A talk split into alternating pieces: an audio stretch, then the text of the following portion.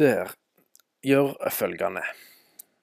Gå inn på linken under beskrivelsen her. Da kommer du til et dokument eller studie som er fra et særdeles anerkjent universitet. Se til venstre hvor artikkelinnholdet er lista, på godt nynorsk Article Contents. Velg Supplementary Data i bunnen av lista. Last ned zip-filer, og velg deretter filer som heter Supplemental Table 1, og åpne den i Word.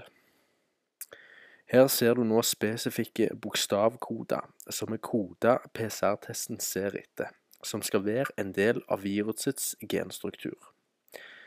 La denne sida stå nå urørt enn så lenge, og gå tilbake til det opprinnelige studiet. Velg nå i artikkelinnholdslista 'Materials and Methods', og bla ned til overskriften 'Bioinformatics Analysis and SARS-CoV-2 Genome Assembly', og trykk i teksten hvor det står NC-045512.2. Du får nå opp ei side fra Verdens genbank, hvor alt som står her, omhandler kun covid-19-viruset.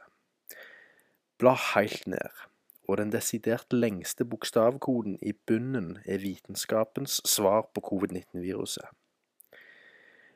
Det du ser er genstrukturen til viruset utgjort i nukleotider, som i bunn og grunn kun er bokstavkoder bestående av A, C, T og G i ulik kombinasjon. Og hvis du er på et IOS-operativsystem, altså et Apple-produkt, så kan du trykke Command og F. Så får du opp på sida her nå et felt der du kan da putte inn disse primerne fra Word-dokumentet. Én etter én, bare copy-paster du inn der.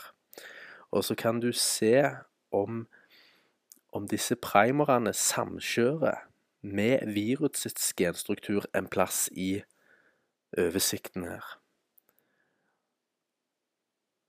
Kort sagt, ikke en eneste av disse primerne er mulige å finne i genstrukturen, eller genomet som det heter. Så hvordan kan tallkode, som PCR-testen er kalibrert etter å finne, som skal være en spesifikk genetisk strukturert del av viruset, ikke finnes i det hele tatt i virusets fullverdige og hele genstruktur? Som virolog Stefan Lanka uttalte seg, måten virologene klarer eller gjør dette her på, er at de utfører to runder med uspesifiserte PCR-testing. Etter første runden med amplifisering så har de kun 10% av hva de behøver for å konstruere viruset, eller et virus. da. Og siden de ikke finner mer enn dette, så amplifiserer de enda mer i en runde nummer to, som på fagspråket defineres som en deep metagenomics sequencing.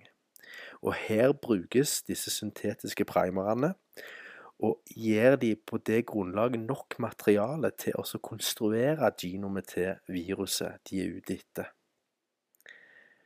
Men disse spesifikke primerne som skal være en del av viruset, og brukes aktivt for å danne og skape det, er ikke i seg selv å finne i resultatet viruset selv.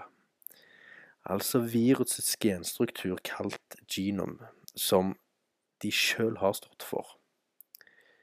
Dette er en massiv motsigelse og bevis på at virologer motsier seg selv ved hjelp av sin egen metodikk. Og tidligere primer som har blitt brukt opp gjennom tida i forbindelse med denne pandemien, har jo òg vist seg ikke engang har vært spesifikk i det hele tatt, til tross for at de har sagt det. Og hadde en identitetsprosent på 100% sammenligna med 100 ulike typer bakterier og hele 74 tallkoder fra menneskets egen genstruktur. Og hvis du tar med motsigelsene fra in vitro-eksperimentene, altså laboratorieeksperimentene, når det kommer til isolering, og inokulering av viruset, med cytopatisk effekt og påvisning via elektronmikroskopi osv., og, så og ser metodikken for det den virkelig er, så forstår du hva sirkus, virologi og infeksjonssykdom er basert på. Så hør f.eks. da Kjappes 39 og 41 for mer info om nettopp det. Enkelt sagt, når du putter en bomullspinne i nesesvelg for diagnostisering av covid-19 med en PCR-test, så bærer resultatet du får tilbake, ingen relevans i det hele tatt. Og det beviser de som står bak dette, ironisk nok sjøl.